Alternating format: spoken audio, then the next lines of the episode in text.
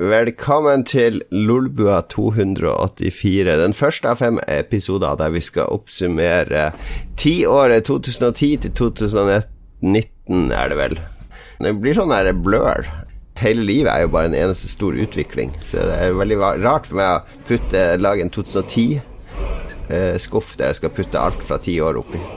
Jeg tror det blir lettere hvis vi katalogiserer det. Hvis vi ser på spill, f.eks., og så kan vi se på nyheter fra 2010 og 2011. Det har man å henge minnene på. Det er ja, riktig. For en god idé, Lars.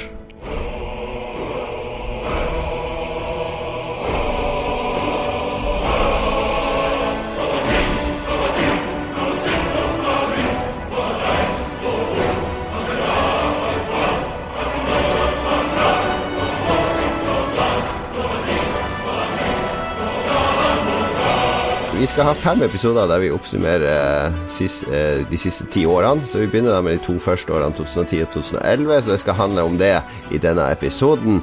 Og fordelen med at det er så nært i tid, er at selv de unge lytterne våre kan henge med nå. For vi har jo tidligere gått gjennom 80-tallet og sånne ting, og da ble det litt for oss gamliser. Da gikk jo Mats gikk vel i bleia på 80-tallet og sånn, så han har vel ikke Det var vanskelig å hente fram barndomsminnene dine fra den mm. tida.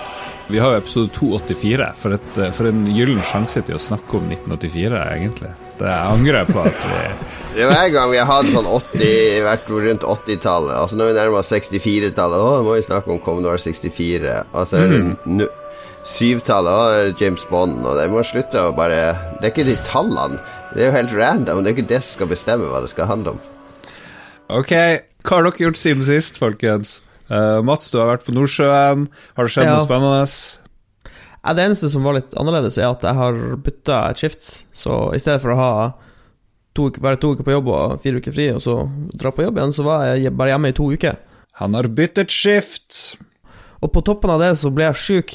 Så jeg var, jeg var hjemme i seks dager, så ble jeg sjuk. Så var alt trasig, og så måtte jeg dra på jobb når jeg var sånn småsjuk. Og så jobba jeg nattskift begge skiftene. Vet du at det er helseskadelig å jobbe nattskift? Du blir fortere no syk. er det farlig for kroppen? Det hadde jeg aldri trodd. ja, Merker du det når du går fire uker nattskift, liksom? Ja, det verste av alt er at det var nesten så det gikk bedre når det var liksom mer på rad, på en måte. I stedet for at jeg har de fire ukene, og så Ja, jeg vet ikke.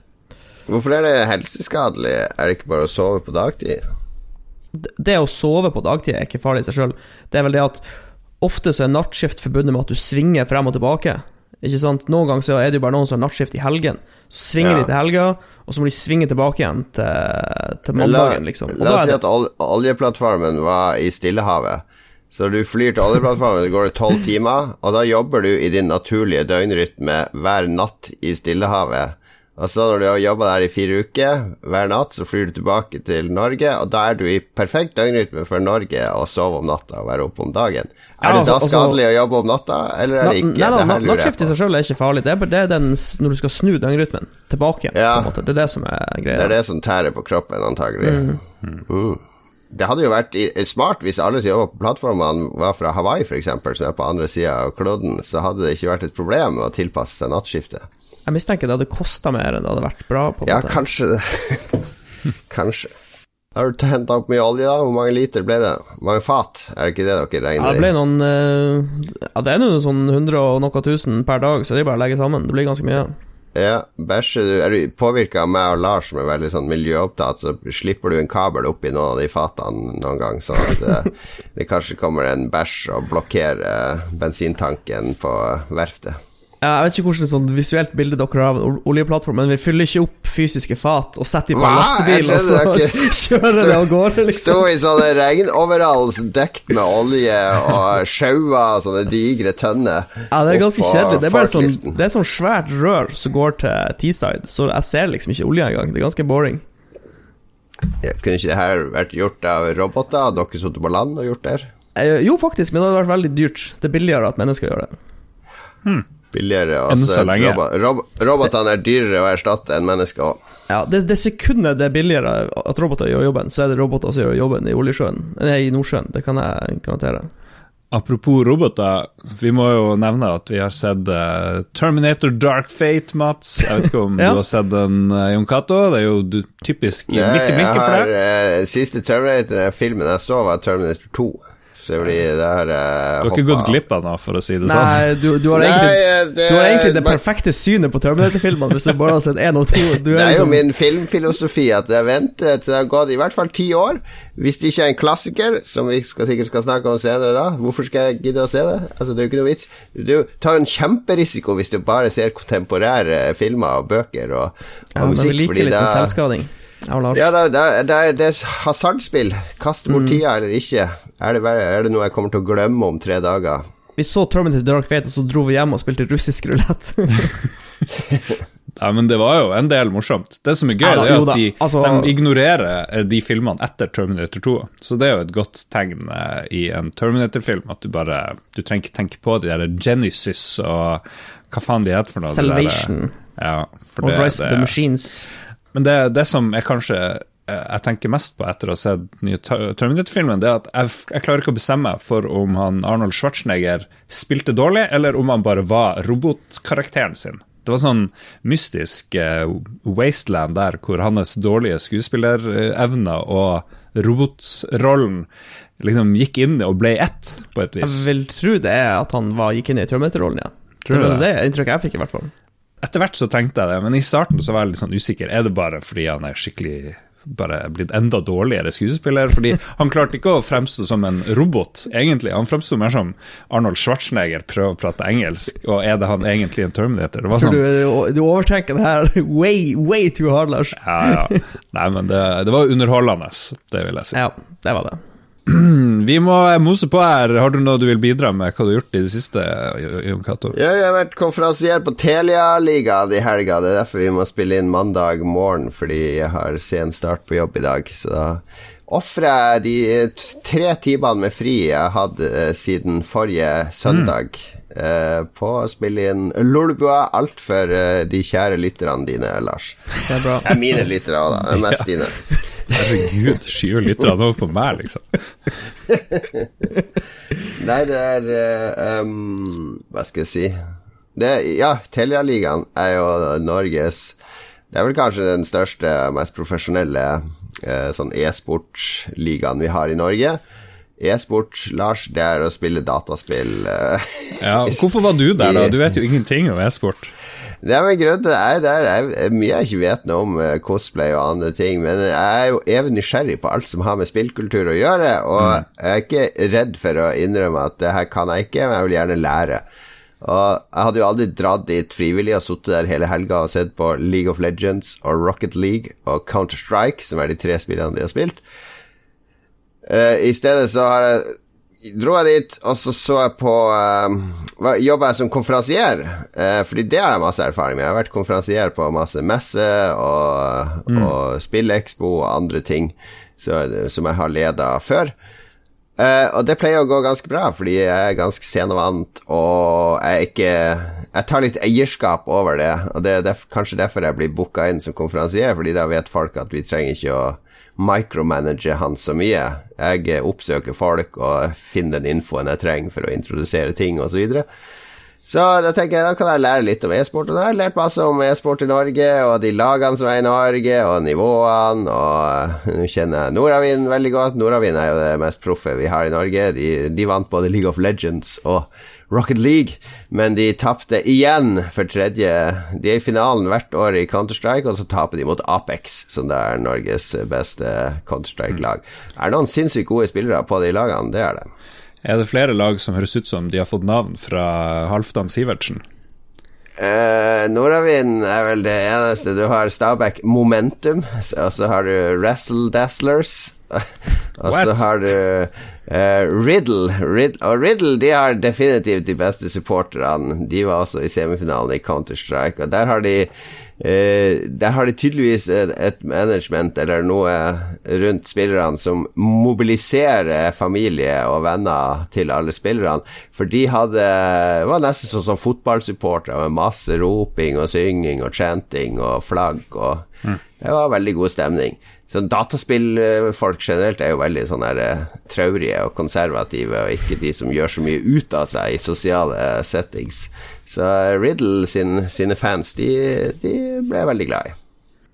Så nei, men det var gøy. gøy det, jeg, jeg, gjør det ikke gratis, det er jo et betalt oppdrag, selvfølgelig. Så, så det har vært en jobbhelg for min del. Eh, på Ullevål Meet heter vel det stedet. Det er sånn konferanse Det er sånn bygd de har bygd attmed Ullevål stadion, som er et sånt konferansested. Eh, det var veldig proft opplegg. TV2 sendte vel det meste på TV2 Sumo. Og ja, bra opplegg. Gøy, gøy med Gøy med noe sport som ikke er eh, sånn tradisjonell, kjedelig sport, men eh, datasport. Og til og med League of Legends har jeg lært litt om nå, så jeg ble, jeg ble Nå, er jeg, nå føler jeg at jeg ikke er på det stadiet der League of Legends bare er kaos. Mm. Nå føler jeg at Nå skjønner jeg hva de er ute etter å gjøre, og litt av disse lanes og de ulike heltene. Og jeg har så vidt skrapa overflaten der, men jeg kan jo ikke begynne å spille det. Det, det er jo en evighetsgrind. Er det en spennende historie bak Ullevål Meat? Har det vært en pølsefabrikk, kanskje, eller noe sånt før der?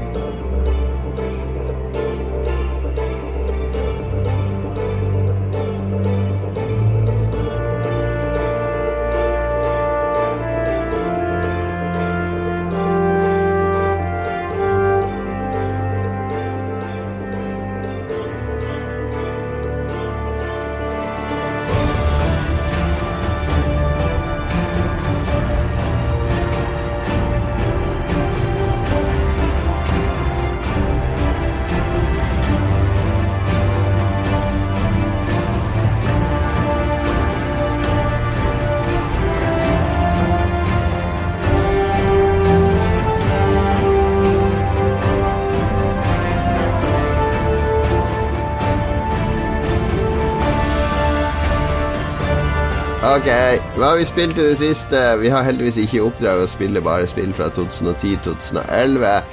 Vi må jo ta for oss noen nye spill, for det er jo høytid for spill nå. Uh, det driter Larsen Lang Marsj i. Han sitter og spiller på mobil.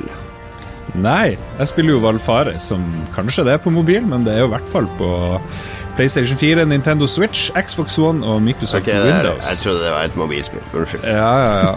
Um, det var i fjor eller forfjor, jeg husker ikke, Mats, så så vi en dritkul trailer, kanskje til og med i år, av mm. det her Valfaris, hvor du fer rundt og er en sånn heavy metal-aktig fyr, og hver gang du får nye våpen, så begynner du å headbange. Og så er det jævlig kult soundtrack. Og så er det egentlig bare ellers eh, basically et Metroidvania-spill. Ligner veldig på Axiom Verge, samme retro-stilen. Kanskje enda mer skitnere og mer brutal og verden her er ganske depressiv. Eh, du drar til planeten Valfaris eh, og på jakt etter din far, som er en skikkelig asshole, visstnok. Og så er det bare å fære rundt og drepe. Så møter du sånne Spider Queens og plukker opp våpen som heter Hellhammer og jeg vet ikke Du kjente igjen de navnene på våpnene, Mats? Var det en ting? Ja, det, var, det virka så liksom våpnene hadde, var referanser til både band og bandmedlemmer. da. Yeah. Jo da, så det, det, det er meninga at det skal være litt sånn Man of War-aktig univers. Det er en sånn animert eh, serie som gikk på Adult Swim, som heter Metallocalypse, som handler om et sånt fiktivt eh, death metal-band. Så jeg fikk veldig vibber fra det slash eh, ja, Man of War og power metal-aktige elementer. Men det var jo så kult ut. After mysteriously vanishing from galactic charts, the fortress of Valfaris has suddenly reappeared in the orbit of a dying sun osv. Og du spiller han Therion, fearless and proud son of Valfaris. Therion er jo et, et metal-band, for så vidt. Så ja, jeg tror det er tåkefullt av sånne referanser. Valfaris ser veldig jeg vet ikke hva man skal si, gammel Sega-aktig, vil jeg si. Litt sånn Amiga, litt blurry, veldig mye piksler. Men det er smooth. Kontrollene er supertight. Våpnene er veldig gøy, og det er masse secret areas, som det heter på svensk. Eh, variasjonen i gameplay er, er, ganske heftig. Noen ganger så hopper du inn i en robot, andre ganger så hopper du på noe vesen som flyr hit og dit. Noen ganger så er det mer tradisjonelt eh, Metroid-stil, du hopper på plattformer opp og ned. Når vi nærmer oss episoden hvor vi skal finne Goti 2019, så er Valfaris uh, veldig sterk contender, fordi jeg har spilt det i over ti timer nå og jeg klarer ikke å slutte. Så blir det mitt game of the year? Jeg vet ikke, men uh, det er i hvert fall veldig bra. Skal vi ikke snakke om det der uh, driten når vi skal oppsummere året? Fordi her gir du jo akkurat det er symptomet. Hvert år så er det det siste du spilte, er det Ja, dette er det beste. Men hvis du har glemt alt i januar, februar, mars, april, mai og juni som du spilte Jeg sa ikke at det her var det beste, jeg sa at det kan være det beste. Det er strong contender. Det er, det er vanskelig mm. å Det er urettferdig. Det som kan være tidlig i året, det husker man, glemmer man. Vi blir eldre og vi glemmer enda fortere enn vi gjorde før. Hvor er jeg? Det er bra vi har internett der for å hjelpe oss å huske ting, da. Ja, det er jo det. det, er jo det. Jeg har spilt uh, Jedi Fallen Order, og det har du òg, Mats. Ja, stemmer. Uh, jeg har bare spilt uh, tre planeter eller noe sånt, tredje er jeg på nå. Så ja. jeg koser meg masse. Det er liksom et spillspill. Det er alt det Jeg vil at folk, alle folk vet at jeg hater Uncharted 4 og sånn. Eller hater Jeg syns det er et ganske middelmådig, kjedelig spill. Så bare spill Jedi Fallen Order, og så går du tilbake og så spiller du litt Uncharted 4 og så spiller du Jedi Fallen Order, og så ser du på forskjellene på de to spillene, fordi Jedi Fallen Order er alt som Uncharted burde være. Det gir deg den der empowerment-følelsen og den der uh, følelsen av å utforske, og at landskapet er fullt av ting som er tilrettelagt for at du som spiller skal føle en eller annen uh, accomplishment av å utforske og se deg rundt og klatre og oppgradere dine abilities og backtracke mm. Altså, det, det, har en helt det, det føles som et det er laga som et spill, og ikke som en eller annen interaktiv film der de har dytta inn en masse skytesekvenser og kjedelige klatresekvenser og et par puzzles for å, for å forsvare at det er et spill. Så mm. Jeg ser mange folk som sammenligner det med Uncharted, men jeg syns Uncharted når ikke det her opp til uh, pung, pungen engang. Kanskje opp til jeg, jeg ville, hvis, eh, hvis, jeg skulle sammenligne det med ett spill, så ville jeg sammenligne, sammenligne det med Dark Souls 1. Det ligner på Dark Souls, og så har det elementer fra Metroid. Den oppgraderinga mm. av skills og sånn, for det er ikke noe som Dark Souls er, ikke sant? Det Nei, det, at, okay, opp, nå... skills, skillsen ligner veldig på Sekiro, mens ja. måten du reiser rundt på planetene, er Dark Souls 1, for det er veldig lite fast travel. Ja, ja, de har eliminert det, så det er masse sånne mm ting som vi tar for gitt. Men de har, de har, liksom, de har snarveier du kan finne for å fort komme deg tilbake ja. igjen til en tidligere plass. Og sånne ting Og så respawne fiender hvis du hviler og lader opp uh, helsepotions og sånne ting. Så det er veldig Dark Souls, uh, veldig Metroid. Uh, og jeg tenker ikke bare på skill-treet, men også at du Nå har du fått en ny evne som gjør at hvis du går tilbake dit, så kan du rive ned den veggen, eller Nettopp. gjøre det, mm. og åpne nye områder.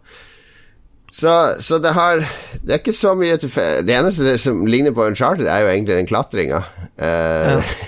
så, så, jeg fatter ikke hvorfor folk skal sammenligne det med Uncharted. Men se heller på det spillet og hva Naughty Dog burde gjort eh, for å gjøre Uncharted til mer som et spill, og mindre til bare en film med sjarmerende skuespillere. Det var min rant. Mats, du har altså spilt eh, Star Wars. Du er Fornøyd, du òg? Ja, veldig fornøyd. Um, jeg har møtt et par sånne småbugs, men ikke noe som har liksom trukket veldig ned på hele opplevelsen. da Så jeg er stor, storfornøyd hittil. Det kan være uh, kraften, vet du, at det ikke er bugs, men det er The Force som ja. uh... Nei, det, det, er et spill jeg garantert kommer til å spille gjennom, for jeg har storkost meg så langt. Ja, du uh, spiller så, på litt høyere vanskelighetsgrad òg, for du vil ha enda mer av den der Sekir og Dark Souls. Jeg spiller på den nest vanskeligste, den heter Jedi Master. Og ja. da er liksom Da er nesten alle kampene en prøvelse, på en måte. Det er ingenting du mm. bare valser gjennom. Eller kanskje etter hvert, når du får oppgradert helsa og powers og litt sånn, så er det kanskje lettere i starten, men, men jeg, liker, jeg syns det er perfekt eh, vanskelighetsgrad. Ja, Det er jo sånn hvis du bare løper frem og ignorerer stormtrooperne og sånn, så blir du jo drept. Altså, Mm. I motsetning til i filmene der stormtrooperne ikke treffer noe som helst, så alle Ja, er laserstrålene treffer jo helt. Ja. Men hva med, med law, og hvordan passer det her inn i Star Wars? eh, Det foregår mellom episode tre og episode fire. Altså Ja. Episode tre så er det den store Jedi Purgen, der han Anakin eh, spiser sopp og ecstasy og, og amfetamin, og så dreper han alle jedi-barna i jedi-tempelet. Ja, og så gjennomfører de jo den her Order 66, som tar livet av nesten alle jediene. Ja, Order 66. Eh, så alle jediene har vært på flukt, så du er en ung jedi som har vært på flukt i flere år og gjemt deg på en sånn søppelplanet. Og der, de som har sett Clone Wars, jeg har sett det litt med barna. Eh, det foregår vel under, eller rett etter Clone Wars, egentlig. Eh, så det er mange sånne skip og referanser til Clone Wars på den første planeten. Mm, separatistskip og sånn. ja.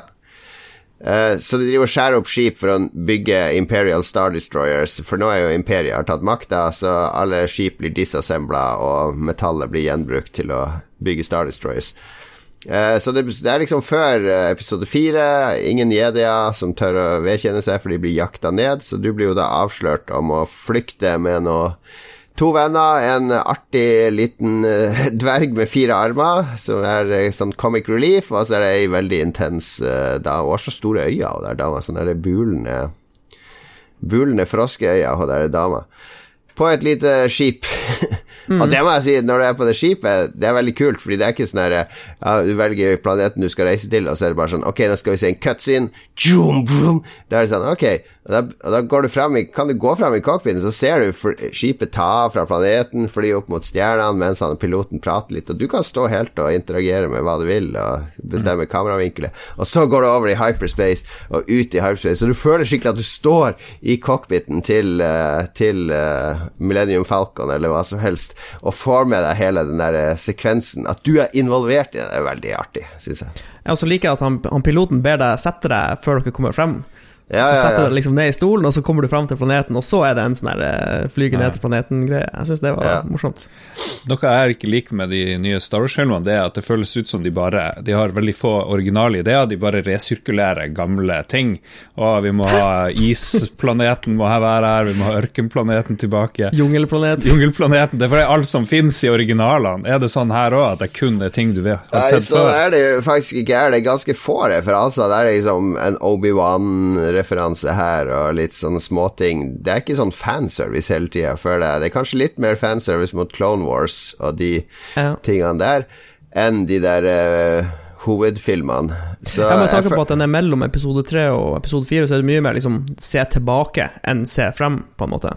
Ja. Mot episode tre og ja, tidligere. Jeg føler den står litt på egne Men jeg føler at Disney har ikke sittet over eh, Respawn her og sagt at du må huske å Nå skal vi name-droppe det her, og nå skal vi tease det her, og nå skal det her være med, og dette føler Det er ingen som sier at det føles ikke Star Wars. Til og med musikken er der Av og til er det de her små tingene du husker på, men det er ikke Imperial March og alle de hovedtemaene hele tida, bare for å understreke 'Hallo, det er Star Wars! Det er Star Wars! Husk at du skal føle Star Wars!' Det er mye mer subtilt. Det er, det er mer et spill som tilfeldigvis foregår i Star Wars-universet, enn et Star Wars-spill, hvis det makes sense. Ja, jeg er helt enig. All right. Skal vi hoppe videre? Kan vi spare Escape from Tarkov? eh? Spar det til neste gang. Vi hopper videre. Best idea ever. when Time magazine called 3D the future of movies. Three, two, one. We doubt this is what they had in mind.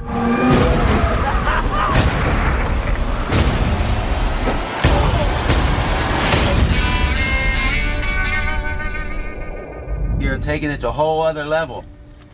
Yep. Look pretty happy about it. Året er 2010. Det betyr at jeg er 37 år gammel. Lars, du er 36 år gammel. Mats, du er 5 år gammel. Nei, hvor gammel var du i 2010, Mats?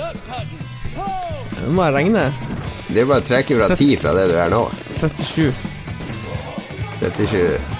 Er du akkurat ti år høyere enn meg? Er du 82? 37, 20, faktisk. 20, 27 Da, er du, vent da har du eld, Da eldes du rapidly. Du er 82-modell, Mats. Jeg, nei, altså, jeg ble, jeg ble 28 i 2010. Det spørs når på i 2010 vi er, Ok, liksom. ok, la oss nå Herregud, det kaster bort et helt minutt på ingenting. Ingenting. Er det rart podkasten varer så lenge? Ok, Lars, du, Mats, du var 27. Lars, du var 37? 33. 6? 33? Ja, jeg er jo eh, 43 i år. Er du det? ja? Ja, du er litt yngre enn meg. Ja. ja, jeg var et eller annet. Eh, og vi- At du var 70 år. Hva skjedde i nyhetsbildet i 2010? Mats, du er vår faste nyhetsleser når det ikke er noen søringer med. Ja, vi starter 1. januar, faktisk, 2010. Da ble eh, rundt 160 000 mennesker eh, drept i et eh, jordskjelv i Haiti. Helge. Det husker jeg godt. Uh, Wyclef Jean og det var mye Det var, ikke, altså, det var vel ikke sånn umiddelbart at 160 000 døde, det var vel at eh, på grunn av liksom vannmangel og Ja, altså Etter hvert, i løpet av hele katastrofen. Jeg husker godt det. Joak, jeg tror Joakim Lund i Aftenposten jeg tror ikke liksom der i 1. ettertid. januar så visste folk hvor heftig det var, på en måte. Det var liksom over de neste ukene at det kom fram Ja. at det var Nei, helt det var jo, sinnssyk tragedie. Hele landet ble jo nesten utradert. Bygninger og alt. Men du er opptatt av når de døde, Mats? Forstår Nei, det var bare sånn eh, Jeg innså det når jeg leste det nå, at det virka som det var sånn her eh, Ja, Ja, at det var med en gang, på en måte. Ja. Hvor mange, hva du tenker om eh, dødstallene under andre verdenskrig? Er du, vil du nyansere okay, vi går videre, Lars. 20. mars eh, 2010 så var det utbrudd på Eiafjellaøkull, Ja, en av de vulkanene på Island. Øyafjellerjakkerne. Det var faktisk eh, Det husker jeg faktisk, fordi Da kom eh, begrepet askefast. Yes, det det og det ble var, det ble på, Da ble eh, Nordsjøen påvirka, faktisk. Så det var store problemer med helikoptertransport. Kanskje til pass for dere som uh, fucka opp naturen sånn. Ja. Det var tross alt eh, pga. Eh, oljeindustrien at utbruddet skjedde på Island. Ja, karma. karma. En sommerfugl slår med vingene i Oslo. Det var en kollega i selskapet mitt som ble sittende fast på Ekofisk. Eh, og Han var der vel i litt over tre uker, og så måtte de bare hive noen folk på en båt og sende dem inn til land, for de kunne ikke være der lenger. For det er ikke lov til å jobbe noe særlig mer enn tre uker offshore Ja. på en rigg. Og apropos oljeplattform. 20. Ja. april 2010 eh, så går Deepwater Horizon i lufta i Mexicogolfen. Oh shit. Eh, det var um, Ja. Der var det vel en sånn ventil som feila, og så fikk de masse gass opp, og så bare gikk den i lufta. Og så ble det jo sinnssykt utslipp, men så klarte vel eh, de å plugge den brønnen etter hvert, hvis jeg husker rett. Ble det en bra film? Uh, Ble filmen bra, mener jeg? Jeg har ikke sett den ennå. Ja Den var Altså, det er deler av filmen som er bra. Uh, du kan se på første halvdel av filmen som en autentisk uh, uh, offshore-opplevelse, Og når ting begynner å eksplodere, så er det litt sånn her Michael Bay. Eh, vi går videre. 5. Yeah. august eh, 2010 så fanges eh, 33 gruvearbeidere i Chile 625 meter under bakken, og hele verden følger med på redningsoperasjonen. Det jeg husker ikke det så godt. Gjør det? Det husker jeg. Men det er, de nyhetene som er størst i verden, det er folk som fanges i Chile under bakken, unger fanges i Filippin, nei, Ja, Thailand, den grotta, i den ja. grotta. Det er noe med grotte å være fanga inne, som er Ja, jo, liksom jeg husker jo for de greiene der. box office gold eh, med en gang. Så Har de folk- lagd en film om det her? Lurer Nei, jeg det, det, jo, det har de sikkert. Sikkert noe i chilensk uh, filminstitutt som har støtta Ja. et eller annet der. Vi flyr frem til slutten av 2010. 10. desember så får han eh, Lou Xiaobo eh, Nobels fredspris, og det var jo litt eh, Det var da vi fikk så dårlig eh, Kina ble sur på oss. Ja, så jeg tror at det her er siste fredsprisen til Kina. Det skjedde i 2010. Det kommer aldri Ja. til å skje igjen. Og så var det jo eh, Var det alle nyhetene? Det var nyhetene, Lars. Det skjedde mye mer, men uh, det er jo grenser for hvor mange katastrofer vi gidder å ramse opp. Og så skjedde det Jo, men sikkert det, er- det er jo gode kroker å henge Altså, man husker jo mange av disse tingene, og da husker man omgivelsene òg. Jeg husker at jeg flytta inn i rekkehus i, i Helt i starten av 2010. Slutten av 2009 og alt sånt. Så man, man har sånne kroker å hekte minnene på. Vi kan snakke litt om musikkåret òg, 2010, fordi eh, Lars mener filmåret var så dårlig. Jeg vil jo si at musikkåret var enda verre. Det er jo sånn Katy Perry og Will I Am og Lady Gaga slo vel igjennom. Hun er noe av det beste i 2010, vil jeg tro. Rihanna og Bruno Mars og Eminem var fortsatt stort. Mye, mye søppel på denne lista, altså, må jeg si. 2010 filmer uh, mye oppskrytt drit. Inception, Social Network, Shutter Island og King's Speech var jo også sånn hylla møkk. King's Speech er jo ikke dårlig. King's Speech er jo kjempebra. Social Network er jo dødsbra. Vil du se han der Colin Firth driver og lærer seg å prate? Det er jo megaboring. Den er dritbra. Har du sett den? Ja, ja, ja. Nei, den er kjempebra. Og den der Shutter Island, oppskrytt uh, jorr. Er ikke det Scorsese? Ja. Det er jo, det er jo kunst. Noen bra filmer, selvfølgelig. A-Team-filmen kom i 2010. Uh, Jackass 3D. Så det var noe som redda Og så Born to Raise Hell med Steven Segal kom òg i 2010. Så det var liksom ikke bare Jesus krise. Kristus. For å være seriøs, jeg si- det eneste jeg har å si til den oppsummeringa di, Lars, og de Mm. favorittfilmene dine, er at Zelo Green kom med den kjente låten 'Fuck You' i 2010.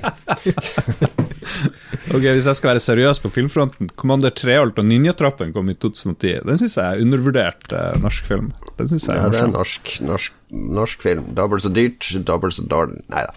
Eh, spillene, da. La oss nå komme til kjernen av 2010. Hva slags spill var det vi hadde å kose oss med? Jeg skal ta en kronologisk gjennomførende Jeg klarer ikke å prate. Jeg, jeg prater så mye i helga. Jeg har vært konferansier, vet du, så jeg brukte opp alle ordene. Jeg har ikke fått recharga de. Kronologisk gjennomgang av spillene som kom ut i 2010. Alle 600 spillene. Skal vi se, begynner vi på Nei da. Vi har tatt det som regnes som høydepunktene. Uh, Mass Effect 2 kom i januar. Bioshock 2. Heavy Rain. God of War 3. Alan Wake kom, det finske krim-drama-actionspillet. Red Dead Redemption. Oh, ja. Super Mario Galaxy 2, Limbo, Starcraft 2, Wings of Liberty. Men var det en expansion til Starcraft 2, eller var det Starcraft 2? Nei, det, det var altså det var, Starcraft 2 var delt opp i sånne episoder, men den første Ja. biten, uh, Wings of Liberty, uh, kom først, da. Hvor du spilte Terran Campaign. Ok. Halo Reach, Civilization 5, Fallout New Vegas, Super Meat Boy, Call of Duty Black Ops, Assassin's Creed Brotherhood. Veldig bra flest. Jeg følte jeg liksom ble dratt til USA på slutten der. ja, mye ja. bra, bra spill her, egentlig. Eller eh, en del minneverdig. Er det noe av det her som har tålt tidens tann, egentlig? Jeg gikk gjennom eh, den lista her, og jeg har, jeg har spilt så å si alle spillene, bortsett fra Heavy Rain og Halo Reach, faktisk, på den lista her. Så jeg jeg har spilt mye i 2010, har jeg funnet ut. Vet, Heavy Rain er på Epic Game Store nå, så der har du alle Ja, muligheter. faktisk. Ja, uh, ja. Og Halo Reach kommer jo med Master Chief Collection på Steam. Eh, beste i 2010, jeg bare hopper i det. Jeg tror det må være som holder seg i dag. Super Meatboy, tror jeg. Holder seg sinnssykt bra. Super Meat Boy er ganske tidløst, ja. Ja. Mass Effect 2, ja ja, jo da, det var koselig. Jeg tror det. holder seg bra. Jeg tror Mass Effect 2 går helt fint å spille i dag. Ja, fordi Det var en overgang fra Mass Effect 1 til 2. 1 var litt mer janky og RPG-aktig, mens Mass Effect 2 ble litt mer sånn cover-based shooter. Ja, de strømlinjeformene. I stedet for å ha liksom 18 utgaver av ett våpen, så var det litt sånn her eh, simplifisert Ja. på en god Ja. måte. Jeg, jeg tror det har holdt seg ok hvis du Det er litt utdatert, tror jeg, kontroll og sånne ting. Eh, du skulle liksom kommandere dine NPC-er og sånn, som ble Mm. litt Jeg tror ikke det er så bra i dag. Bioshock 2 det har ikke holdt seg så bra. Uh, Heavy Rain uh, Det er egentlig akkurat like dårlig nå som Men det var jo et viktig spill, kanskje? Ja, si. det er et Ja. artig film. Jeg liker Jeg har sånn guilty pleasure av de David Kars-spillene. De er veldig greie å bare spille gjennom, uten at de er Spilte dere eh, Fallout New Vegas? Obsidian Ja, sitt Fallout? det er veldig bra. Ja, det er jo utrolig. Det, det, liksom, det og Mass Effect 2 er liksom helt uten tvil mine høydepunkt fra 2010. Ja. Skulle gjerne hatt en remake av det her New Vegas. Jeg tror jeg bare spilte et par timer. Så Men New Vegas er jo basically det samme som Outer Worlds. Altså det er jo nesten Outer Worlds er jo ikke Ja. teknisk eller uh, spillmessig noe særlig annerledes. Ja, vet du hva, fuck New Vegas. Det er jo bare å spille Outer Worlds. Skal vi ta noen lytterbidrag, eller har dere noe mer? Jeg, jeg, jeg må kåre Jeg tror Super Mario Galaxy 2 er min favoritt fra det året. Det er et helt magisk spill. spill. Super Mario Galaxy-spillene, både 1 og 2, var veldig magiske. Mario Odyssey er jo enda bedre. Det tar liksom De, de har tort å ta Mario veldig ut av den tradisjonelle formen og bare ball, bygge på, bygge på, bygge på. Kjempebra. Ja. Nei, hvis, jeg, hvis det er et av de spillene jeg har lyst til å spille på nytt, så er det bare Super Meatboy, egentlig. Ja, Super Meat Boy er kult. Ok, ingen valgte Assassin's Creed Brotherhood. Why the hate for Assassin's Creed? Er det noen av dere som spiller Assassin's Creed i det hele tatt? Det er jo gørrkjedelige spill. Jeg spilte spilt Brotherhood, tror jeg. Er det det i. Frankrike, eller? Jeg er litt usikker. Er det det, er det som er Nei, Unity er Frankrike. Brotherhood, er det det i England med broren og søster? Nei, jeg aner Jeg er litt ikke. usikker. Jeg tror kanskje ikke jeg spilte da. Nei, fuck it. Dritspill. Dritspill. Eh, Lytternes bidrag. Ja, Først så har vi jo faktisk spurt eh, noen i redaksjonen. Philip med F kom med Ja. en lang liste som vi kan eh, poste i shownotes, men vi tar bare nummer én, siden vi har så mye å gå gjennom. Han mener Bajonetta var best i eh, 2010. Ja, den var ikke på lista her. Platinum Games gjør det igjen, pres presenterer overraskende nok en ny vri på actionspill. Masse kul artistic shit og kickass gameplay. Ja, Bayonetta var kjempekult. Ja, det var, jeg, gikk, eh, jeg gikk liksom på metakritikk, så det er mulig at den er på side to, liksom. eh, Ja. Katarina liker fortsatt Bioshock 2. Ja, Mm. greit nok. Jeg husker ikke Bioshock 2 i det hele tatt. Det ble laga av sånn sidestudio, det ble jo ikke laga av det hovedstudioet. 2K Marine, tror jeg lagde Ja. Det. Christian Chessem han lå i senga i fire dager og spilte Red Dead Redemption eh, med feber, eh, så det husker han veldig godt. Så tror jeg, hvis vi hopper ned Ståle Balvinsson eh, Ingen tvil, beste spiller fra 2010 må være PSP-klassikeren Kladoon This Is An RPG. Og så har vi selvfølgelig Dag Thomas Dynasty Warriors Strike Force til PSP var det beste i 2010. Ok, ok. De holder arven etter Magnus, vår PSP-ambassadør, i livet. Det er bra. Det er bra. Eh, jo, nå har vi noen lyttere òg, da. Eh, Joakim Strandberg, 2010 var et elendig år. Han håper vi får fram det på en god og konstruktiv måte. Ja, vi er alltid gode og konstruktive. Joakim Han fikk Red Ring of Death for fjerde gang i januar. Ouch. Ja. Det var jo en greie. Det var ingen da må han kjøpe kjøper seg en PlayStation? Han kjøpte seg, han kjøpte seg gaming-PC. Generasjon 1 Xbox var ingen som ikke endte opp med Red Ring. Han, Joakim sier han Kjoppa hoppa heller over på PC, den fikk han òg masse problemer med. Dere kan lese alt det her, en trist historie fra Joakim på uh, Entourage. Han gjør det. Ja, kanskje vi skal holde deg til brettspill, Joakim. For det er, men det er, det er sikkert sånn som får esker, så det mangler det komponenter og sånn. Så kanskje du bare skal gjøre noe annet. Finne en annen hobby. Helge Larsen da, Mats. Ja, han syns Han har eh, så lang 2010 tekst, så det orker jeg ikke. Han syns 2010 var et veldig bra år for spill, eh, selv om det også hadde noen enorme nedturer for han personlig. Uh, Mass Effect 2 og Red Dead Redemption står for han som de to beste spillene fra forrige generasjon, mens eh, Fallout New Vegas og Civilization 5 er de beste spillene i sin serie. Final Fantasy 13 var en enorm skuffelse, og det samme gjelder World of Warcraft Cataclysm. Jeg kan skrive under på det siste. Eh, Det var utvidelsen som gjorde at han slutta med World of Warcraft, faktisk. Eh, filmåret var også ganske bra. Ja, Lars, der ser du. Beste filmen var utvilsomt Incendi, som fikk eh, øynene hans opp for Dennis Villeneuve. Mm, der ser du. Fikk vi litt film Filmåret film 2010 Jo, men jeg så jo noen filmlister, jeg òg, i 2010, og jeg syns det var sinnssykt mye bra. Jeg sleit faktisk med å velge bare Ja.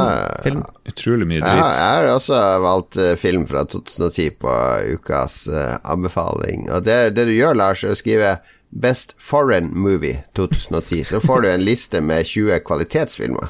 Ja, jeg så på det. Folk husker ikke sånn her, Nei, ok da, Vi går videre. Frode Oppsal. 2010 var et merkeår. Eh, han trengte en hobby som ikke kom på flaske. Jeg føler vi er litt sånn her Se og Hør slash magasinet i Dagbladet her, eller noe sånt, med han Frode. Kommer med, med noe gull Ja, mener han sånn, mener han sånn skip du lager inni sånn flaske, da? Som Ja, vet du hva? drar i snora og ja, Mats, Ok. det, det er det han mener. Og eh, etter en modningsprosess med research og drømmer i alt Narvesen hadde å by på av spillblad, så gikk han eh, på juletida til Elkjøp og handla en 40-tommer-TV og en 360, hvor Fable 3 fulgte med. Og så kjøpte han også Red Dead Redemption, men det var for vanskelig for han. Mm, Ok, så Fable 3 ble det første konsollspillet han runda i sitt nye liv som gamer og lamer. Eh, Etter hvert så klarte han å runde Red Dead Redemption, og siden har det gått slag og i slag, så hurra for 2010 og de to titlene. Hurra! Og eh, gratulerer, Frode, med å komme deg bort fra eh, små skip i flaske-hobbyen. Det var på tide. Ja. Ja. Vegard Mudenia, fast lytter, fast bidragsyter. Takk, takk, takk, takk, takk, takk, takk, takk, takk, takk, takk, takk, takk, takk, takk, takk, takk for alle dine bidrag, Vegard. 2010, Bajonetta. Han er på Bajonetta-kjøret. Hans GM, Red Dead Redemption, Skate 3 og Alan Wake for hans del. Skate 3, det er jo det siste. Jeg tror EA nå har offisielt har gitt fra seg Skate-tittelen, eller skrinlagt den, eller noe sånt. Ok? Som jo er litt synd, for det var en bra spillserie. Ja. Og så har vi han Norvegicus Galeicus Delirius. Eh, man kan vel ikke snakke om Guitar Hero, sannsynligvis grunnen til at han har tidlig arthrosis i, uh, i henda. Jeg valgte å skippe Guitar Hero. Rock Band 3 kom i 2010. Det er jo et av de Det var kanskje det beste sånn rockband-stil. Ja, Band-stil To og tre var, var de beste, ja. Kjempebra. Spilte jo sykt mye av det der. Det var så gøy. Og så er det helt borte nå. Trist. Ja. Sad, som han Trump ville sagt. Espen Fuglem trekker fram Limbo. Ja, Fokuserer på stemning foran oi, oi. Limbo er jo fantastisk. Ja.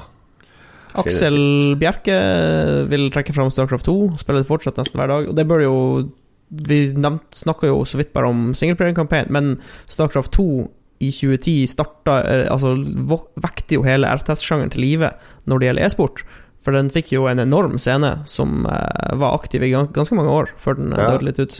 Veldig koreansk scene, var det ikke det? Mm, nei, men det var, det, var, det var noen vestlige spillere som gjorde det veldig bra. Eh, Whitera fra Ukraina og noen amerikanere. Og det var utrolig kult å følge med på. Jeg så masse pro, pro Starcraft 2 i 2010, 2011, 2012. Ja.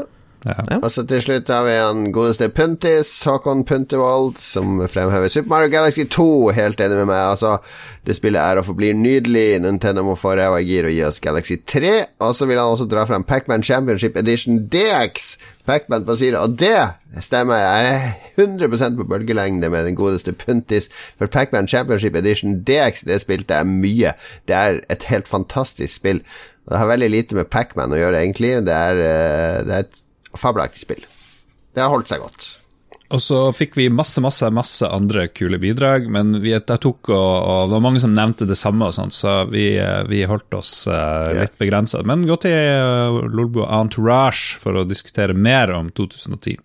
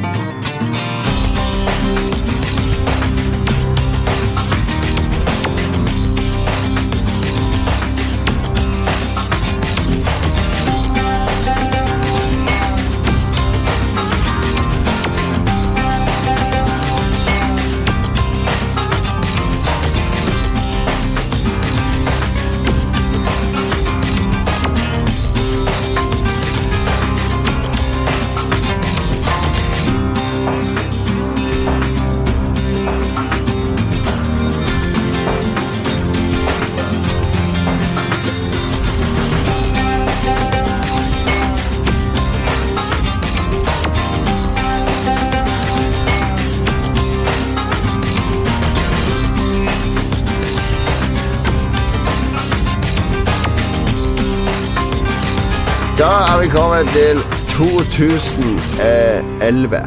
2011. Nyheter, Mats. Ja, vi sparker av 14. januar. Eh, Tunisias president må gå av etter store demonstrasjoner. 11. februar så skjer det samme i Egypt, og den arabiske våren er i gang. Og Ja, hva, hva var hva før ble det, det Det var sånn arabisk vår, men kom det noen gang en sommer? Altså, hva ble jeg av det her? Jeg tror det gikk rett til uh, den mørkeste høsten ever. Ja, for det ble jo, ble jo mørkere enn det hadde vært før, i ettertid, liksom. Alle trodde det skulle Det skulle var veldig lite sånn bra som kom ut av det der, egentlig. Ja, Uh, Syria var jo protester òg, men der bare var det jo borgerkrig og vennskapskamper eller Sør-Korea internasjonale vennskapskamper? aktiverte du Siri nå? Ja! Hva var det Siri ville?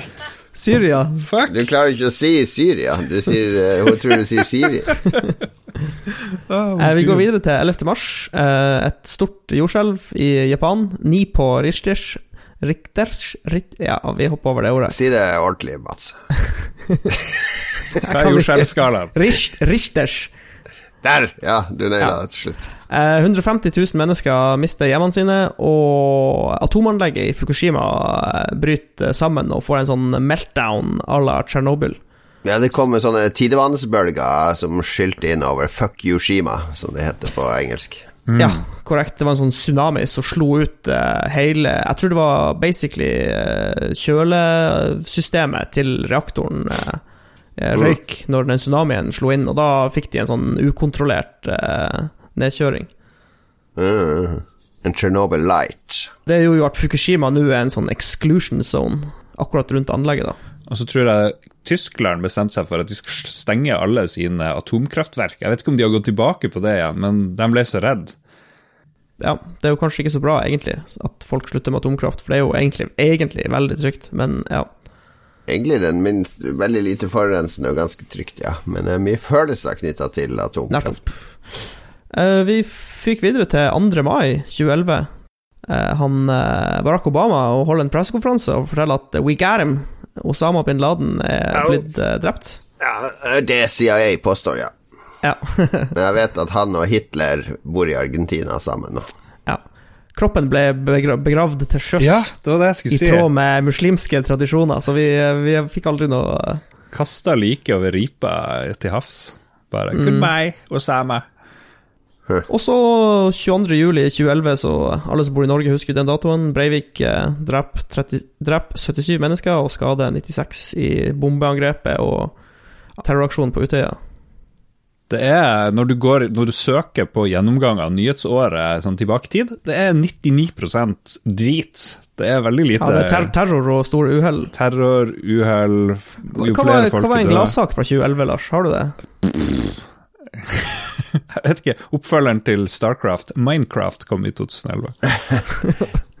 Kom ikke Hvem var det som fikk fredsprisen? For det hadde vi jo i 2010. Eh, Det var, noe, det var tre kvinner fra Afrika, så jeg bare Ja, ja. ja, for det, det var kvinner. Da orka jeg ikke ta men det er ingen som husker det. Vi husker jo det der Kina-greia. Så det var ikke fordi de var kvinner. Ok, nå må vi jo, siden det ble et stort poeng her, skal vi da Nobel Peace Prize 2011. Tawakol Karman, Ellen Johnson Sirleaf og Lehman Gboe. Han, eh, han eh, prins William gifta seg med Catherine Middleton i eh, 2011. Boom. Var det, var det, ditt, det var det ditt forslag, forslag til gladsak fra 2011? Ja. Ja.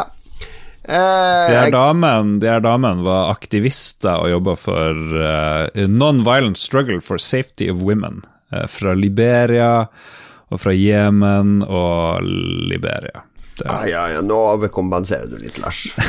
du, du som spurte. Går får du. Ga en gladnyhet fra 2011. Jeg fikk barn i 2011. Min yngste sønn ble født da. Woop, woop. Han har i dag en hemmelig YouTube-kanal der han lager YouTube-videoer med Fifa og eh, Overwatch og andre ting. Let's, let's watch that. Eh, eller ikke. Hvilke spill Nei, ja, film, filmåret, har du oppsummert det nå, Lars? Ja, skal vi se. Det var selvfølgelig òg bare drit. The Help, The Descendants, The Artists. Mye filmer på The. eh, fikk Oscar. Mission Impossible Ghost Protocol var veldig stor. Moneyball, Harry Potter, X-Men, Captain America. Det bare tok av. Moneyball, eh, Moneyball var jo kult. Det var jo den baseballfilmen med han Brad Pitt. Ufattelig dritfilm. Eh, eneste bra det året var Bridesmaids, veldig bra, og kanskje Drive. Og så en sånn science fiction-film som heter Another Earth. Jeg har en film fra 2011 på anbefalinga mi, men det tar vi senere. Ja, det, Som ikke er nevnt ennå. Mm. bare drit på film i 2011 igjen. Men De lytterne som ikke kjenner Lars, de vet jo at hvis ikke filmen er fra 80-tallet eller 90-tallet, så er den ganske dårlig. Altså det er minus to på terningen automatisk. Ja, det er den. Ja. eh, Det kom en del musikk også i 2011. Foo Fighters eh, hadde hiten Walk. Eh, Adele var vel det store nye navnet i 2011. Oi. Hun dukka opp med sin fantastiske stemme. Og så kom jo Lana Del Rey med alle gamere sin favorittlåt Video Games.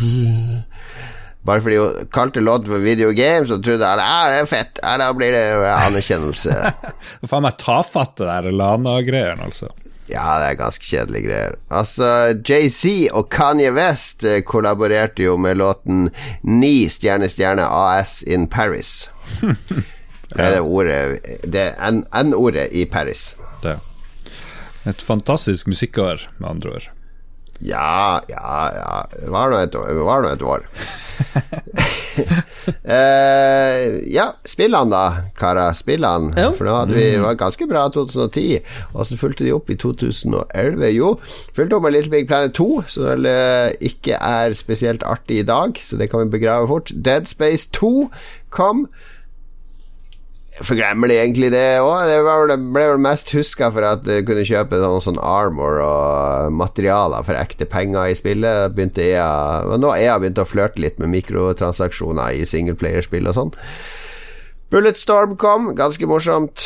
Polsk skytespill med Cliff Blesinski. Herregud, for en douche Cliff Blesinski er blitt. Ja. Så du han posta på Twitter nå nylig? Nei, At uh, han hadde slutta å onanere etter han mista kona si, for han sparte all sin energi for, uh, for å knulle. Ja, det, det er mest okay. fjortis Det er sånn fjortis som har fått kjæresteskrytgreier. Jeg ble helt pinlig berørt. Cliffin må skjerpe deg på Twitter. Men han altså. mista kona. Er kona død, eller bare gikk hun fra han? Nei, han er jo gift ennå med en sånn Jeg møtte henne der i kona, og hun bitte lita ser ut som eh, hun går på ungdomsskolen. Jo- er jo kortvokst, er det det du sier? Nei, jeg er sånn petit, vet du. Sånne damer som veier 30-40 kilo, ikke sant. 30 kilo? Eh, ja, hun er sånn 1,40 høy, eller noe sånt. Mm. Men han Cliffy B er jo også ganske liten av vekst. Så han må vel ha en dame som er kortere enn han, for å føle seg som mann. Nå ble det mye utheng av Cliffy B. Det, her, det her er jo det mest interessante i hele sendinga. Nei, jeg vet det er Cliffy B og dama. Men eh, han, det var så flau, den tweeten der, eh, der han skryter av hvor mye han knuller. At eh, det er noe av det dummeste jeg har lest i mitt liv. Men uh, Cliffy sier mye dumt av og til. Mm. Witcher 2, Assassins of Kings, kom dette året. Spilte aldri Witcher 2. Nei, innrømmer. Jeg spilte det litt, det var ikke så bra som treeren. Jeg, sp- jeg spilte gjennom det. Nei, som sagt, uh, Witcher 3 var mesterverk. Men The Witcher 2 kom seg ganske bra etter Witcher 1, som var ganske trasig i mine øyne. Ja. Så det var, det var liksom Jeg spilte gjennom Witcher 2, for å si det sånn. da Det gjorde jeg ikke med det første Witcher-spillet. Og så kom jo Dark Souls, det første, og snudde opp ned på eh, dataspill, eh, hva vi forventa av utfordringer og, og ferdighetsbeherskning i dataspill. Portal 2 kom også, kjempeartig puslespill. Bastion, genial debutspill fra Supergiant Games. Deus X Human Revolution, Snork. Dead Island, dobbel snork. Batman Arkham City. Gå og heng deg, Batman. Battlefield 3, snork. Altså, det er noe av problemet med altså, disse gamle Battlefield-spillene. Bortsett fra 1942 og Battlefield 2, så er det ganske forglemmelig. Du spiller jo bare det nye. Det, er- det er jo Absolutt. Ja, fuck. Drit, drit å dra. Call of Duty Modern Warfare 3. Eh, hvem spiller det i dag? Hva, hvor, skulle det være noen grunn til å gjenbesøke det i dag? Nei. Ellers skal Skyrim. uh, hva er det for noe? Hva, skulle det være relevant for dagens gamere? Nei. Selvfølgelig er Elderscroll Skyrim relevant. Hysj! Hysj! Legend of Zelda Skyward Sword. Kanskje det mest ignorerte av de mainstream hoved-Zelda-spillene. Jeg likte det ganske godt det, kom, da det kom, men jeg tror ikke det har tålt tidens stand veldig godt, for det hadde en del veldig kronglete konvensjoner og inndeling av spillområder og sånne ting. Ja. Hva du hater Skyrim for? Jeg ga det terningkast fire da det kom. Da fikk jeg jo drapstrusler og voldstrusler og alt som man må forvente for å si noe, noe galt om et dataspill. Ja, nei, det, det, vi oppfordrer ikke til drapstrusler. Nei. Jeg syns det er ganske kjedelig spillverden. Jeg syns altså var det jo veldig Det var jo før alle modder og ting ble fiksa og ordna. Det var veldig mye bugs i det. Sånne mammuter som spåna ut av lufta og falt ned på deg. Og Jeg syns vi skal meditere litt på at du ga Skyrim ternekast fire. Ja, Hele anmeldelsen ligger på spill.no, så det er bare å gå og lese den. Men det er jo blitt, uh, blitt en sånn melkeku for verdens verste spillutvikler, Betesta. Og det, vet du hva Vet du hva som provoserer meg mer enn noe annet på nettet nå, av gamere? Det er de som går og gleder seg til Ellers Scroll 6. Ja, Sånn der, Betesta de smører anuset ditt hver uke, hver måned med noe ny drit. Ja, nå skal du betale for å spille Fallout 76 hver måned for å få litt premium content som bare ikke er noen premium content i det hele tatt. De driver og fucker over spillerne sine gang på gang på gang, og spillerne bare 'Å, dere er så slemme, dere er så slemme'. Men jeg gleder meg til Ellers Scroll 6. Hvorfor i all verden skal de fikse Ellers Scroll 6? Hvorfor i all verden skal de fokusere på å gjøre det spillet bra? De kommer ikke til å bytte ut motoren. De kommer til å være Fallout 76 reskinna. Det blir Ellers Gold 6. Eh, Nå Så ikke gå og gled deg til det. nå håper jeg nesten det blir reskinna Fallout 76-motor. Vet du hvem som sitter i styret til Senimax, som eier Betesta? Høres ut som det er Anders Behring Breivik. Nei, ja, nesten. Vet du hvem det er? Nei, Jerry Bruckheimer sitter og bestemmer hva. Betesta skal lage. what? Robert Altmann sitter og bestemmer hva Betesta skal lage. Hæ? Leslie Moonves, som ble sparka ut av CBS etter å ha seksuelt trakassert halvparten av de kvinnelige ansatte, han sitter i styret til Zenimax. Robert S. Trump, broren til Donald Trump, sitter i styret til Zenimax og Bethesda. Og fortsatt så går de rundt og gleder deg til Ellers Scroll 6! De er ikke interessert i å bruke penger på å lage noe bra. De er interessert i å bruke minimalt med penger for at du skal gi dem maksimalt med penger. Slutt å heie på Betesta. Ok, wow. Kjenner jeg. Ok. Fikk bakoversveis. Jeg er enig. Bethesda som lagde Skyrim i 2011, eksisterer ikke i dag. Nei, Det- det gjør helt riktig. Helt riktig. Og jeg vet at man må kla klamre seg til håpet, og alle spill som ikke er laga, som skal komme, det tenker man at det, har, det er lovende. Men Eller Scrolls, sånn som det var, det finnes ikke. Altså, det kommer ikke til å bli noe av det. Ok, ok. Men eh, hvis du skal velge ett spill som er det beste fra 2011, Jon Cato Hvis jeg tvang deg med pistol inn mot hodet, hva ville det blitt? Uh, Da tar jeg Må jo bli Dark Souls. Ok? Jeg har også Dark Souls, uh, og så Portal 2 på en veldig sterk andreplass. Ingen tvil om at Portal 2 er, er kanskje frem, den aller beste spilleopplevelsen jeg hadde av noe spill. Det, var, det, Ja. det er så bra skrevet og designet. Altså, bra humor og gode puzzles og Ja, det er en helt fantastisk singleplayeropplevelse. Og coop. Og Coop, ja. De har en helt egen Coop-del som er bare ko-ko. Og da lytterne kom med sine bidrag, så gikk det lang tid før noen i det hele tatt nevnte Portal 2. Så jeg tenkte, er Portal 2 så lite spilt av folk? Var ikke det en hit blant norske gamere? Jeg, jeg tror sånn i retrospekt så tror jeg at Portal Jeg mener at Portal 1 var det beste spillet, men Portal 2 de, det er litt sånn oppblåst.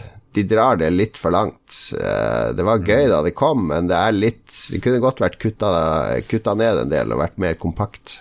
Må innrømme at jeg spilte aldri Portal 1. da. Nei. Eh, Jo, jeg har spilt Portal 1. men Jeg hus det eneste jeg husker, er Portal 2. liksom Jeg husker bare gode ting fra Portal 2, og så er Portal 1 litt sånn Ja. Og så Nei, det er Portal 2 helt klart øverst, og så Skyrim. Skyrim, baby. Gleder meg, gleder meg til Elder Scroll 6. Oi, oi, oi. Det blir bra. Visste dere at eh, CEO-en for Zenimax, og dermed Betesta, han Robert Altman, han er, han er permanent eh, han, han, fikk, han ble dømt. Han får aldri lov å jobbe med bank og finans lenger. Men han kan sitte i et styre. Ja. Han, eh, han ble dømt på 90-tallet. eh, ta imot bestikkelser og andre ting. Høres ut som en kvalitetsfyr. Det er, et, det er et, et styre fra helvete. Det er, ligger en, hvis du søker på Seniax eller Betesta Board of Directors, så det et, kan du finne et bilde som forklarer hvem alle i det styret er. Det er, det er et uh, klovnegalleri av dimensjoner. Jeg ble først redd for at han Robert Altmann var den kjente regissøren Robert Altmann, men han er død for lenge siden. Her er en advokat. Ja.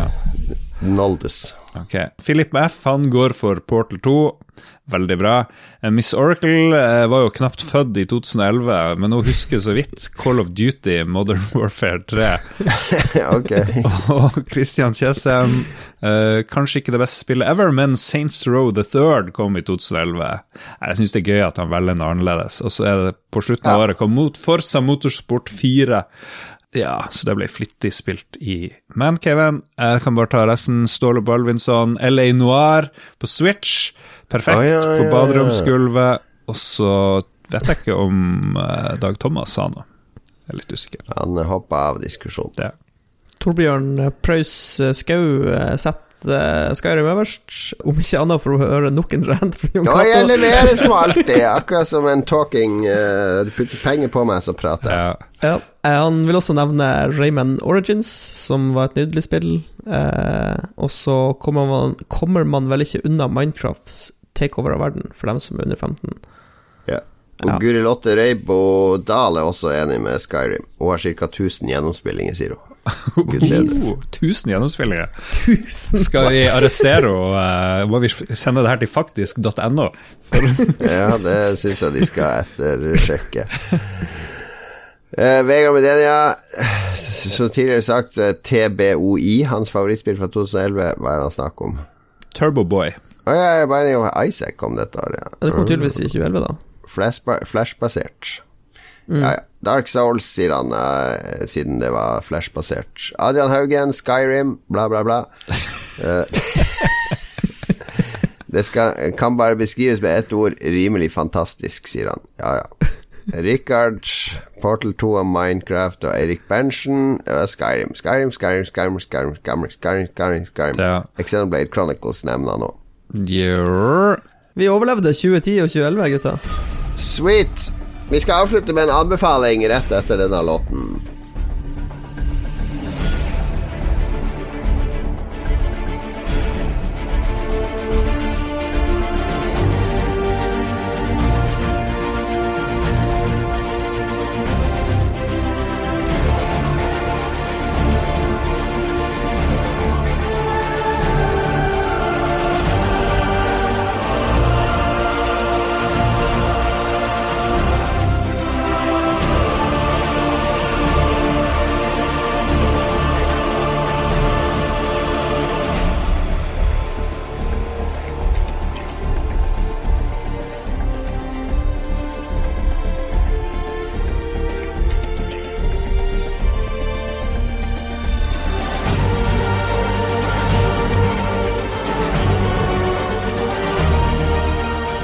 Til ukas anbefalingsspalte så holder vi det tidsriktig. Vi har vridd hjernene for å finne noe fra 2010-2011 som vi skal anbefale. Nei, Lars, det er ikke mer hår på hodet. Uh, selv om det var et faktum for både deg og meg i 2010. Uh, anbefale, spalten er jo alltid noe eh, som vi anbefaler som skal berike ditt liv, gjøre dagen din bedre. En kulturopplevelse, matrett, eh, en, eh, rett og slett et eller annet som du kan ta inn i livet ditt som ikke er et spill, som vil eh, muntre deg opp eller gjør, gi deg noe å tenke over. Og eh, Lars, begynner med deg. Rule 34 står det her. Ja, det er en Hva er dette? Er det tror det bare var to regler i Fight Club. Rule 34 er jo at hvis det eksisterer, så finnes det porno av det. Uh, stemmer okay. det? Jeg tror det er det. Da vil du finne porno av det på nett. Det er en sånn internetting, ja. Ja, kan jeg bekrefte. Ja. Uh, og det her er da en bok. Finnes det, det da, må vi, da må det finnes Lolbua-porno, er det du sier? Det gjør det jo garantert. Er det noen som har kledd seg ut som oss? Og Vi, vi har jo produsert Lolbua-porno. vi har jo tegna penisene våre. Ja, det er sant. Ja, det er erotikk. Det er forskjell. Ja, ok. Ja, det er Cupido kanskje er ikke porno. porno, det er erotikk. Så våre tegninger kunne vært i Cupido, ikke i Cats. ok, eh, rull 34, Lars. Boka av Charles Stross. Han, ja, det er han Charles Stross, en eh, veldig kul eh, forfatter som skriver mye Han skriver en annen serie, The Laundry File, som er i skjæringspunktet James Bond og Cthulhu, som er veldig, veldig morsom. Hele serien er ikke terningkast seks, men veldig mye av det er bra. Men i 2011 så leste jeg noe som heter Rule 34, som, handler, som er et slags mordmysterium. Det handler om politiet som får ettersøke mord og sånn. Um, og de som er drept her, det er spammere som driver og spammer profesjonelt eh, rundt omkring. Så det her er i fremtida. Uh, fremtida er full av spam, og, og Rule 34 er in effect. Det er bare sykt mye disgusting shit som skjer. Og så er det en sånn her eh, politidame i eh, Irland som driver og sjekker ting og tang rundt omkring i Europa, for det her er tydeligvis internasjonalt. Bare, bare leser jeg kjapt, for jeg husker, det her er jo 2011, så jeg husker jo knapt hva som skjedde. Following the revelations by Edward Snowden, Stross announced there would be no third book in the planned trilogy. Ja vel, ok. Så det er jo litt morsomt. Snowden, Snowden torpederte den serien. Thank you, Snowden. Men hva bok nummer to var, det aner jeg ikke. Det, jeg tror jeg bare leste en bok. Uh, så sånn er det. Men les nå Rule 34. Da jeg søkte på bøker og musikk og film og sånn, så det var veldig lite jeg hadde lyst til å anbefale av kultur, eh, bortsett fra spill, i, i eh, 2010-2011. Så da ble det Rule 34. Vær så god. Takk for det. Jeg skal ta Eller du har to filmer du skal ha. En fra hvert år, eh, Ja, jeg Mats. tenkte det var litt morsomt å ta en fra hvert år. Ja. Så jeg har en dokumentar fra 2010, og så har jeg en spillefilm fra 2011. ja, ta den fra 2010, da. Restrepo heter den. Hva er det for noe? Det er en dokumentar som heter Restrepo. handler om eh, en tropp på 15 soldater som er stasjonert eh, i Afghanistan, i Korengal. Var i 90 minutter. Veldig sånn her eh, Litt sånn eh, intervjubasert, eh, veldig sånn røff dokumentar. Det er ingenting sånn her Det er ingen generaler, det er ingen sånn kommandører som blir intervjua, det er bare de her soldatene. Så du får liksom du får lov til å være sammen med dem på den der kjipe utposten de sitter fast på, da, i liksom 90 minutter, og får liksom se litt eh, hva, hva er deres dagdagse liv, liksom. Og Ja. det, det er det motsatte av krigspropaganda, basically, for du ser liksom hvor kjipt og utrolig trasig det er å være soldat akkurat der de er, liksom. Ja, ja, ja. Veldig, veldig bra dokumentar. Eh, bare se den hvis du ikke har sett den. Eh, så i 2011 vil jeg anbefale en film som heter Take Shelter. Jeg vet ikke hva sjangeren på den filmen er. En thriller slash horrorfilm? Drama, thriller, horror. Den er litt, den er litt sånn spesiell. Uh, han Michael Shannon har hovedrollen. Uh, I korte trekk, det handler om en, uh, en arbeider som får sånne drømmer og visjoner av framtida, hvor det skjer noe helt forferdelig. Sånne apokalypsedrømmer. Så får han, får han det for seg at han må bygge seg et, et eh, shelter, altså for å beskytte familien sin. En sånn bunker, på en måte, i hagen. ja, ja. Eh, og så begynner, så begynner etter hvert eh, Så begynner grensen mellom hva han drømmer og hallusinerer og viskes ut med, med virkeligheten. Eh, og så tar det bare Ja, det, blir, det er en utrolig bra film, ja. rett og slett. Veldig god, sånn, veldig sånn eh, Litt sånn ekkel eh, stemning som liksom bygger seg opp sakte, men sikkert i, i den filmen der. Veldig bra eh, skuespillerprestasjoner av de som er med. Michael Shannon og Jessica Chastain er vel hovedrolleinnehaverne. Aldri mm. hørt om. En sånn liten indiefilm hadde fem millioner i budsjett eller noe sånt, men uh, veldig bra. Ja, ja, rart at det finnes gode filmer fra dette katastrofefilmåret, men jeg har til og med også funnet en god film fra dette katastrofalt dårlige filmåret. Eh, Den eh, britiske filmen Four Lions, eh, laga av Chris Morris. Chris Morris han er kjent i England for å harselere mye med nyheter. Han har laga mye sånn TV-programmer som er parodier på nyheter og sånne ting. Eh, Blant annet han som hadde det TV-programmet om uh, The News Today eller noe sånt, der Alan Partridge-karakteren til Stephen Coogan for alvor slo igjennom. Eh, men så har han laga en film, lagde han i 2010, som heter Four Lions, som handler om eh, fire islamske Det er en komedie om fire islamske terrorister som skal prøve å sprenge bombe under London Marathon.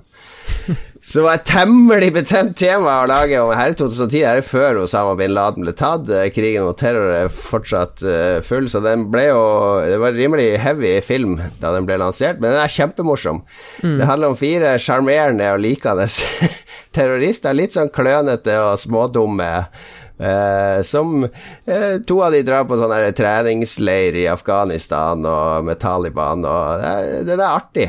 Den, den klarer å ta Altså, nyhetsbildet av disse islamske terroristene er jo at de er sånn der eh, dyr. De er, sånn, de er ikke mennesker, de er liksom sånne hjernevaska, gale monstre. Eh, altså, det, det snur litt sånn opp ned på hele denne konvensjonen her. Det er jo bare sånne usikre unge menn uten mål og mening i livet som blir veldig Det er akkurat som en hobby for de, ikke sant? Akkurat som de er veldig inne i Metallica eller heavy metal eller dataspill. Altså, de blir sånn veldig oppslukt av denne greia. Så den klarer Det er jo beksvart humor, men den klarer den der eh, balansegangen mellom å ikke bli platt eller dum, men være Den er akkurat, akkurat innafor på alle områder. Så jeg, jeg har sett den et par ganger. Den er fenomenalt morsom. De driver, når, de, når de tror de blir overvåka, så må alle gå og riste på hodet sånn hele tida, fordi de vet at hvis du tar bilde med digitalkamera når du rister med hodet fort, så blir det bare sånn blur. og så, det er sånne dumme ting når de driver og stjeler ting om natta. Så er veldig artig. Veldig artig. For Lions, se om du kan uh, finne den. Den er ikke så lett å få tak i.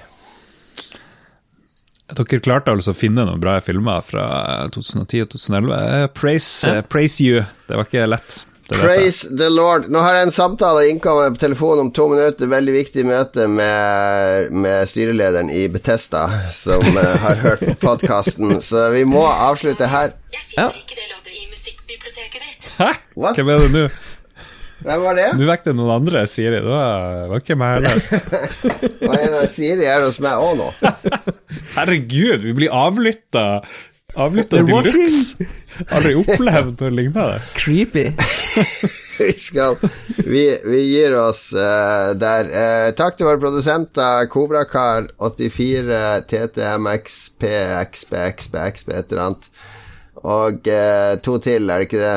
Kan... Kosti Ikke Kosti, du drev du og, og rote. Rolf Helge Øvergård Ingebrigtsen og Kampsauen med stor N er produsenter. Takk til alle de. Eh, følg oss på Discord osv., fordi på Discord så er det quiz hver onsdag med Kamp7. Veldig bra quiz. Den blir antagelig ikke to og en halv time neste gang, men uh, vi får se hvor Og så kom det nytt brev fra deg, Jon Cato, i helga. Ja, støtt oss Ja. på Patrion, så får du brev og andre gode ting. Og så kom det ny veldig bra brev. eh, Roffelbua på søndag òg, så her bare flommer det over, folkens. Takk for at dere bidrar, så at vi kan holde på med det her, eh, som bare er en hobby og moro for oss, egentlig. All right, ha det bra. Vi høres igjen. Neste år blir det 2012-2013. Send oss innspill på hva vi bør ta opp fra de årene. Ha det bra. Ha det bra. Well, here we are again. It's always such a pleasure. Remember when you tried to kill me twice? Oh, how we laughed and laughed. Except I wasn't laughing. Under the circumstances, I've been shockingly nice. You want your freedom,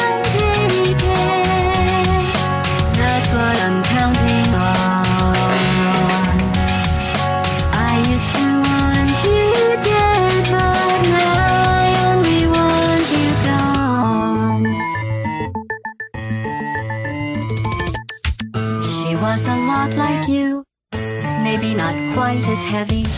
Now little Carolyn is in YouTube.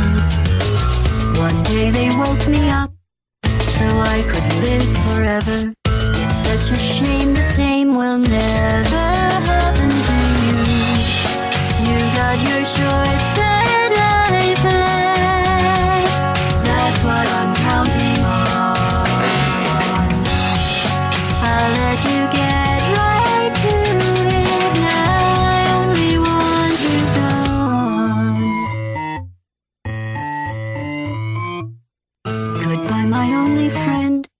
Oh, did you think I meant you? That would be funny if it weren't so sad. Well, you have been replaced. I don't need anyone now. When I delete you, maybe I'll stop feeling so bad. Go make some new disaster. That's what I'm counting